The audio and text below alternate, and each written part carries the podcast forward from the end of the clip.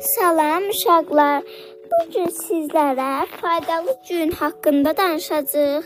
Burada Fidan adlı bir qız var idi. Yoldaşlarına onu gecikən Fidan çağırdı. Çünki Fidan yuxudan gec qalxır, yavaş-yavaş geyinər, səhər yeməyini oynaya-oynaya yeyər. Məktəbə də gecikərdi. Bir gün əmisi qızı Sənibər onlara qonaq gəldi. Bu gün onlarda qalacaqdı. Səhəri anası onlar Səhər anası onları çağıranda Sənubər o dəqiqə qalxdı.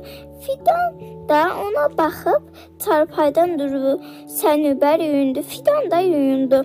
Bir yerdə səhər yeməyi səhər yeməyini yeyib bit, bitirib məktəbə hazırlaşdılar. Fidanla Sənubər həmin, həmin gün bir yerdə keçirlər. Fidan əmisi Fidan əmisi qızından geri qalmamağa çalışırdı. Bir də nə cür yaxşıdır, hər şeyi vaxtında elədi ki, elədi ki, heç dərsə də gecikmədi. Ev, tapş ev tapşırıqlarını da vaxtında bitirdi. Lap məhdəl qalası iş idi. Axşam Sənubər ev, e, evlərinə getdi. Fidan isə xeyli düşündü. Necə oldu ki, bu gün bütün işlərimi vaxtında yerinə yetirdim. Heç də gecikmədim. Burada nağılı qutarır uşaqlar.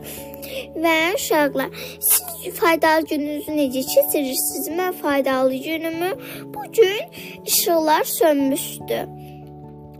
Gəldik, nərdə oynadıq, şaşk oynadıq. Sonra yəni ev, evinizdəki nə var?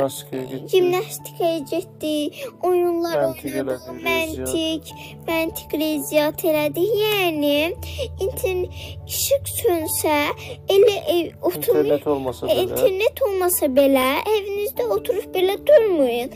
Nə silin dərslərinizi, yazın qalmadığı dərslərinizi, oynayın, dərslərinizi hazırlayın.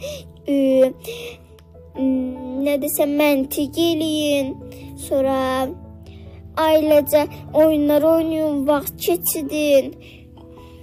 Yəni bir çox şeyi eləyə bilərsiniz.